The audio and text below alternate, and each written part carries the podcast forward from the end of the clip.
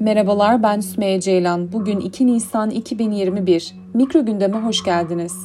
George Floyd'un ölümüyle suçlanan eski Minneapolis polis memuru Derek Chauvin'in duruşmasında sağlık görevlisi Derek Smith ifade verdi.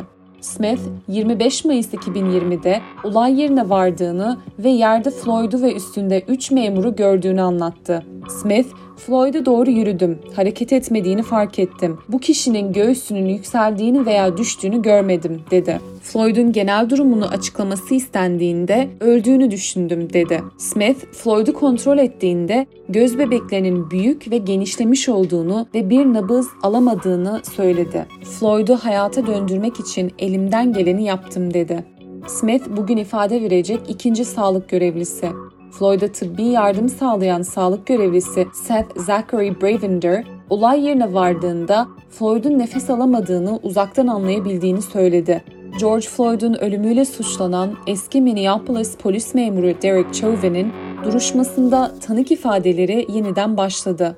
Bugün erken saatlerde jüri üyeleri Floyd'un kız arkadaşının ve Floyd'a tıbbi yardım sağlayan bir Minneapolis sağlık görevlisinin ifadesini duydu. Floyd'u öldüren polislerin davasının 3. gününde vücut kamerası görüntüleri de izlendi. Görüntüler George Floyd'un gözaltına alındığı sırada kendisini öldüren polislere karşı ben kötü adam değilim diyerek kendisine zarar vermemeleri için yalvardığını gösteriyor. Floyd'un ölümünün ardından görevden alınan Derek Chauvin, avukatları aracılığıyla mahkemede gösterilen görüntülere rağmen Floyd'un ölümünde kasıtlı adam öldürme ve cinayet suçlarını reddediyor. ABD'nin Minneapolis şehrinde geçen yıl Mayıs ayında gözaltına alındığı sırada polis Derek Chauvin tarafından nefessiz bırakılarak öldürülen George Floyd'un davası pazartesi günü başladı. Floyd'un gözaltına alındığı sırada boynuna 9 dakika boyunca basarak nefessiz bırakan ve ardından ölümüne yol açan Derek Chauvin, ikinci ve üçüncü derece kasıtsız öldürme suçlarından yargılanıyor.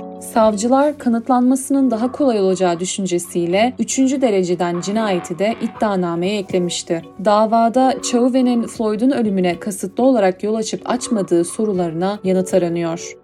Beni dinlediğiniz için teşekkür ederim. Bir sonraki mikro gündemde görüşmek üzere.